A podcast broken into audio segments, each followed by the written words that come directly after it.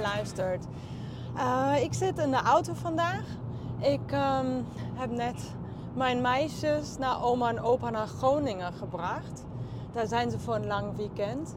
En uh, dus de auto voelt vandaag bijzonder leeg aan. Want we zijn dus twee uur net uh, hebben we in de auto gezeten en heel veel gezongen en gekletst. En uh, ja, zijn daar gebleven. En ik, het is heel stil nu. Ook wel heerlijk, je kan je eigen gedachten weer horen. Maar um, ja, ik moet er altijd wel even aan wennen als ze daar niet zijn. Want ja, je bent zo druk en zo aan gewend dat de hele tijd gewoon reuring om je heen is. En de hele tijd moet je iets. Dus ik vind het ook altijd heel erg lekker ontspannend als ze daar niet zijn. Gewoon echt even bijkomen. S'avonds heb je ineens mega veel tijd natuurlijk. En uh, hoeft gewoon helemaal niks te doen. Ik, we gaan ook, daar kijk ik het meest naar uit. Uh, gewoon, we gaan lekker elke avond uh, eten bestellen wat de meisjes niet lusten. Dus fantastisch.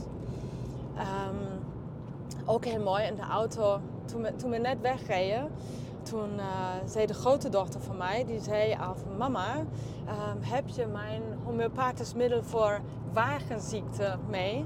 Want uh, uh, anders, je weet toch, anders word ik misselijk. En ik denk daar dan nooit aan. Zij denkt daar inmiddels echt zelf aan. Dus ik zei, oh ja, die ga ik nog maar even snel pakken, even halen. Dus ik vind het zo mooi dat ze daar ook echt, dat zij dat zo omarmen en zo mee opgroeien. En het voor ze zo normaal is dat je, ja, dat we zelf iets in huis hebben wat zij kunnen gebruiken voor die uh, kleine ongemaakte, uh, ongemaakte ziektes en zo. Dus ik, ja, ik ben er altijd een beetje trots op.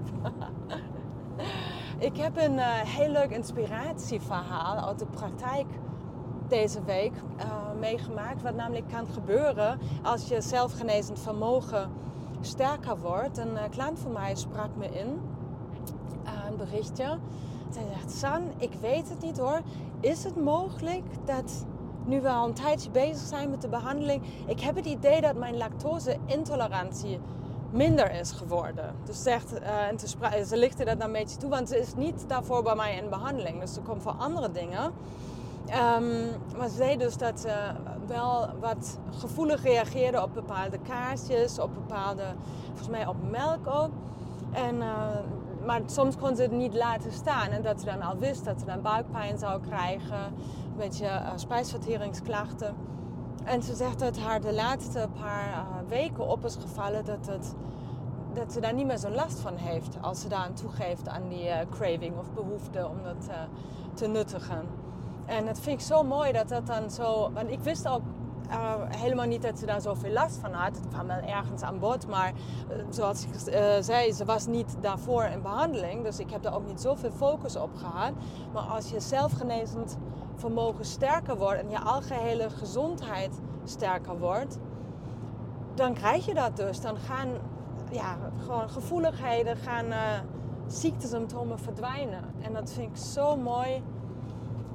Ja, omdat dan zo, want dat is natuurlijk veel mensen zeggen dan ja, maar dat werkt allemaal alleen omdat uh, hè, als je daarin gelooft of uh, uh, je moet wel echt gewoon echt je mindset ook aanpassen. Ik bedoel, mindset is natuurlijk belangrijk voor algehele gezondheid, maar um, bij dit soort dingen, ze heeft haar mindset daar niet opgezet van ah, die lactose-intolerantie gaat nu minder worden. Ik voel het, ik voel het.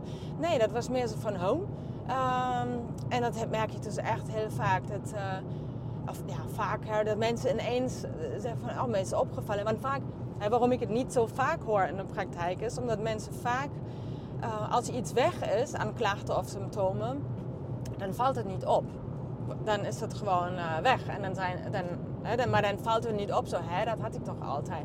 Heel vaak bij, na, bij de tweede of derde consult dat uh, ik dan vraag, ja, maar hoe is het hier en daarmee? En hoe is het met die klacht? Oh, ja, klopt, dat had ik ook nog. Oh, dat was ik helemaal vergeten.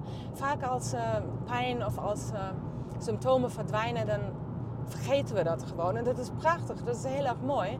Maar daarom hoor ik niet vaak van, hé, hey, dit is ineens weg. Kan het met de behandeling te maken hebben?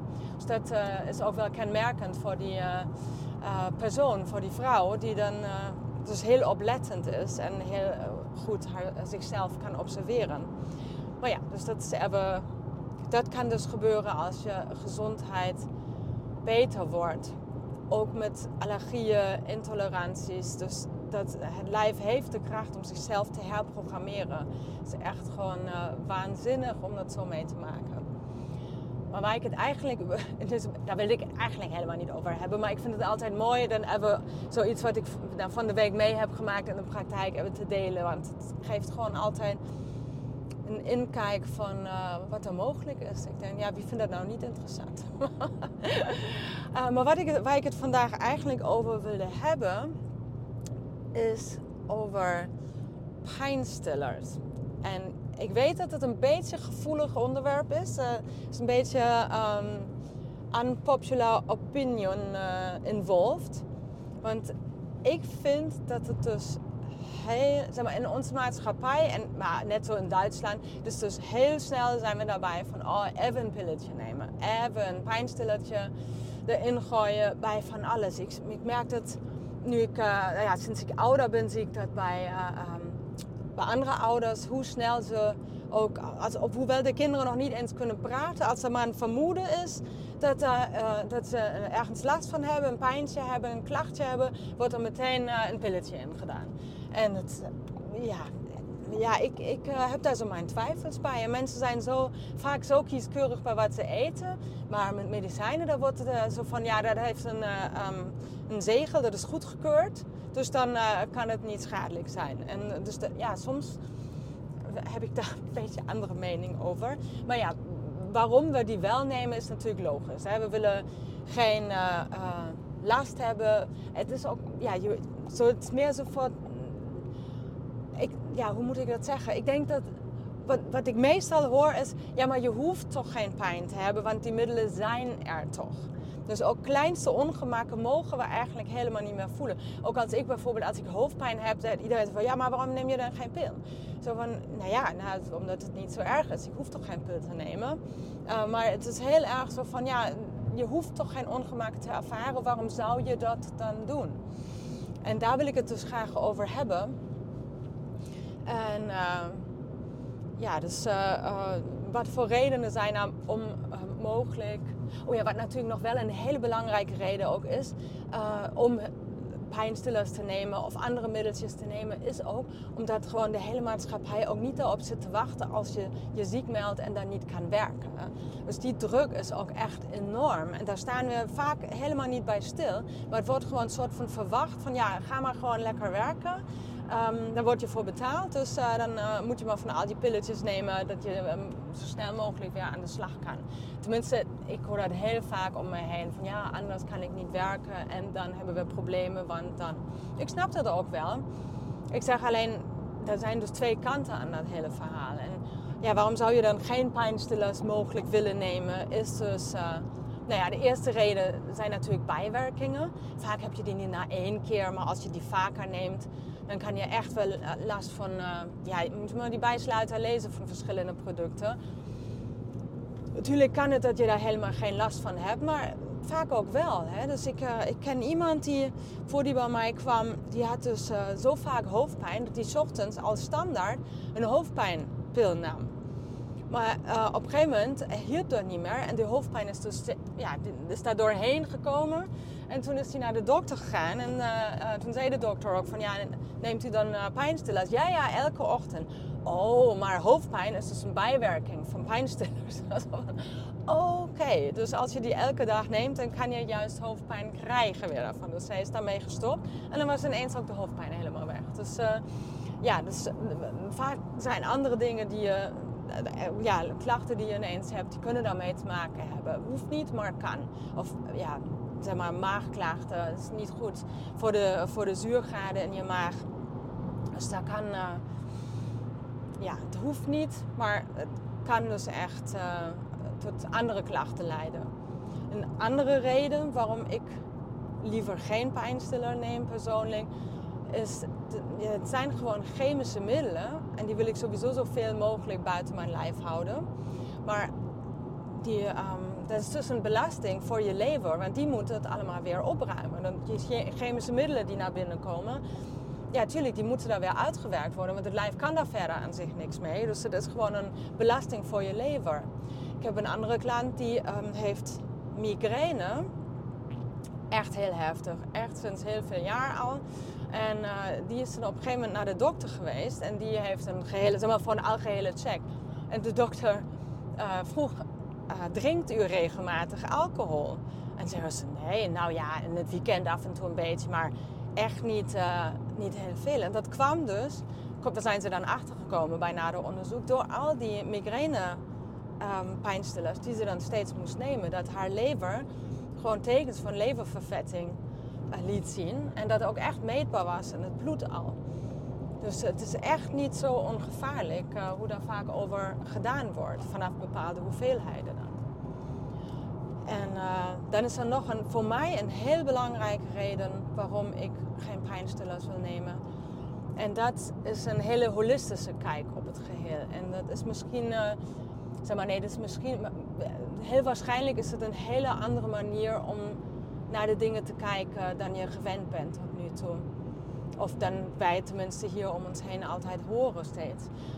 Ik weet niet of we bij een aflevering uh, nummer, uh, even denken, uh, volgens mij was het nummer 6 of nummer 7, die over de blauwdruk, die, hoe, um, hoe zo homeopathie werkt, over de blauwdruk van je, um, van je lijf. Dat je op je eigen um, zeg maar in je eigen manier hoe je gezond en ziek bent, wat voor symptomen je ontwikkelt als je ziek wordt. Dat iedereen zijn eigen patroon heeft, zijn eigen blauwdruk. Als een soort van glijdende schaal waar die op beweegt naar zijn um, gezondheidsniveau.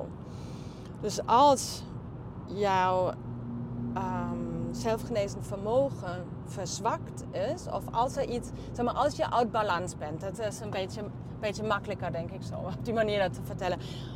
Als je uit balans bent, dan gaat je lijf symptomen, ziektesymptomen produceren om van binnen beter in balans te komen.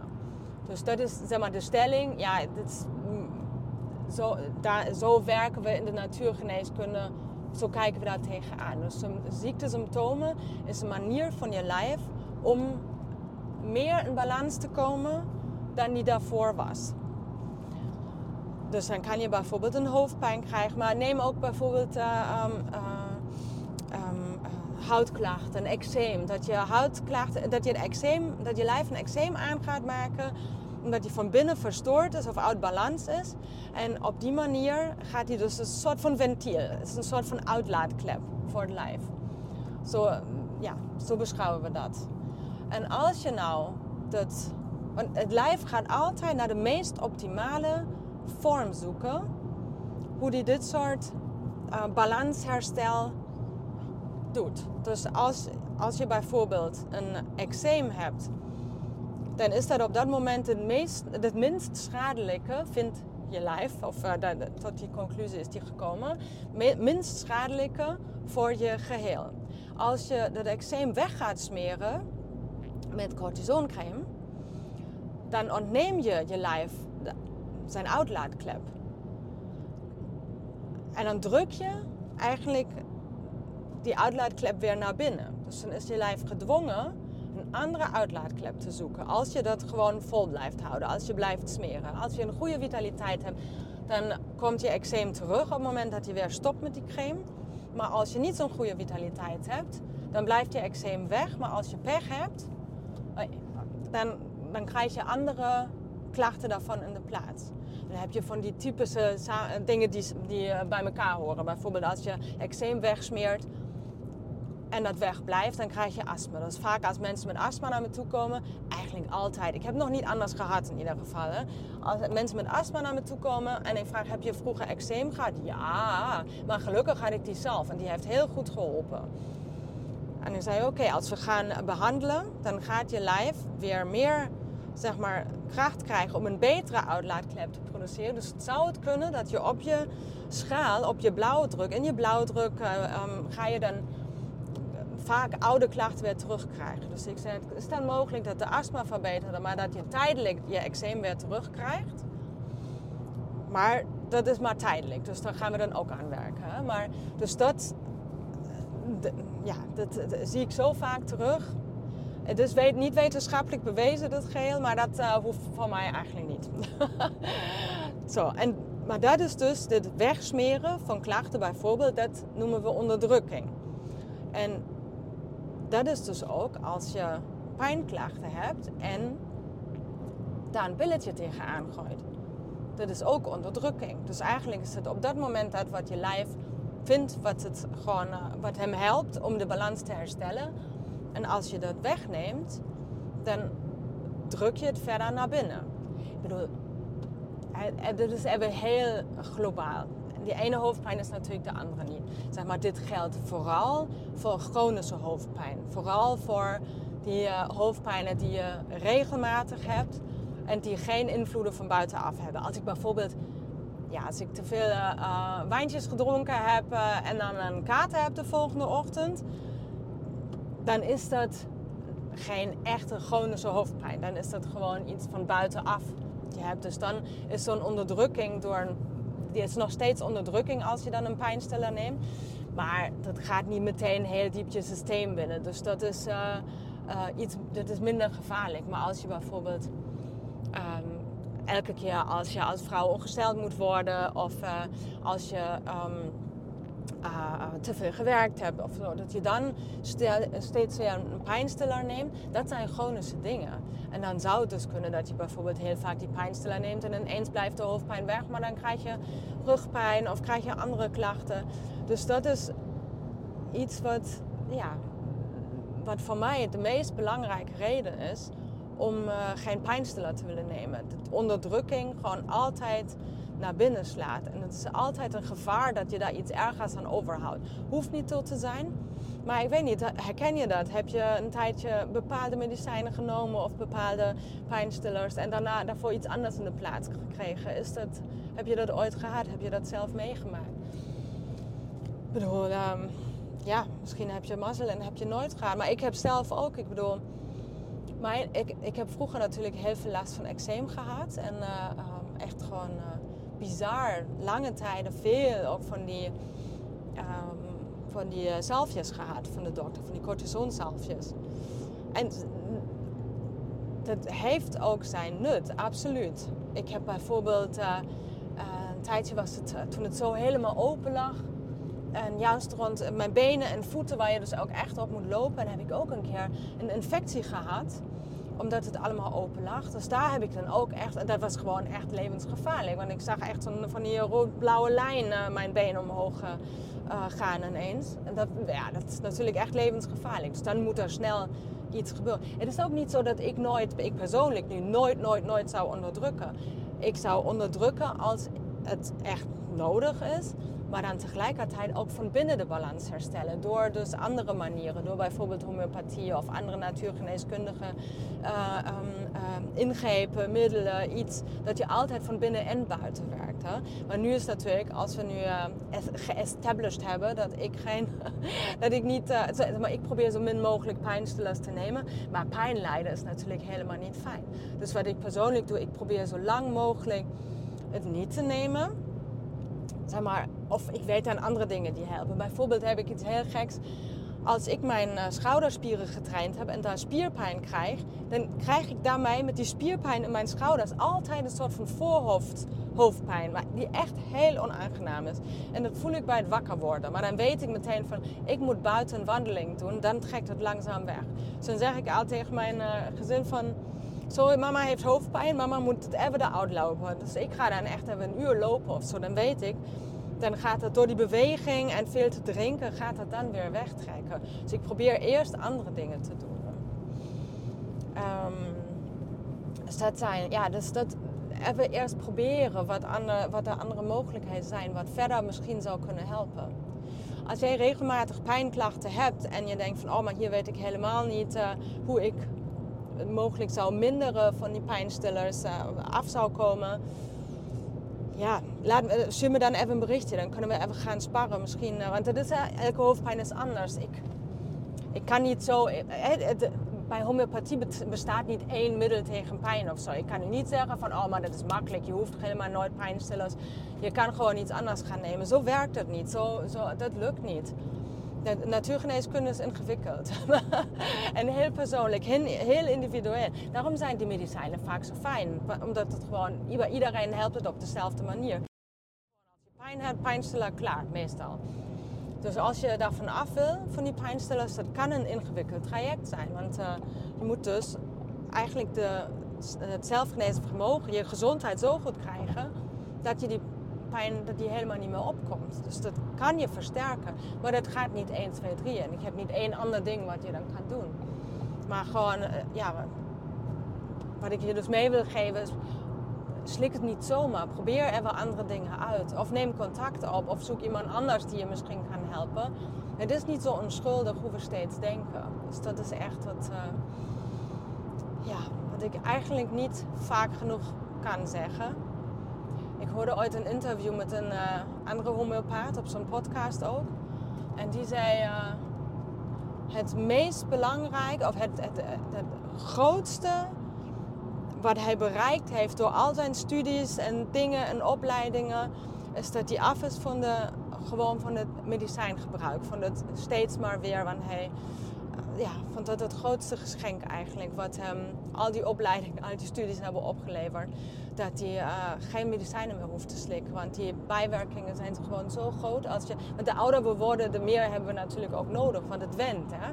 Dus als je nu al regelmatig van die dingen moet nemen. Ik denk, het meestal niet minder de ouder je wordt. Dus uh, het is echt goed om even erachteraan te gaan. Bestaat er nog iets mogelijkheden? Want er bestaan altijd mogelijkheden. Echt, daar heb ik geen enkele twijfel. Je moet alleen op zoek gaan, je moet het willen, je moet daar klaar mee zijn en je moet ze willen vinden. Want ja, als je, als je klaar mee bent met die pijnstillers, dan kom je daarvan af. Dat echt, beloof ik. Dat is echt mogelijk. Hoe is voor iedereen verschillend. Maar je kan er van afkomen. Dat staat buiten kuif. Zo, hehe. dat moest er even uit vandaag.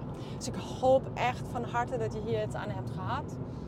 Um, als je daar iets aan hebt gehad, laat me dat graag even weten. Ik vind het zo interessant om te zien, om, om te lezen wie er luistert. Wat, uh, wat goed uh, wordt ontvangen, wat, wat je wil horen, wat, wat je misschien nog verder helpt voor de volgende afleveringen. Vind ik echt natuurlijk uitermate interessant. Laat me dat weten. En ja, dat was het voor vandaag. Dus ik wens je verder een hele fijne dag. En tot gauw!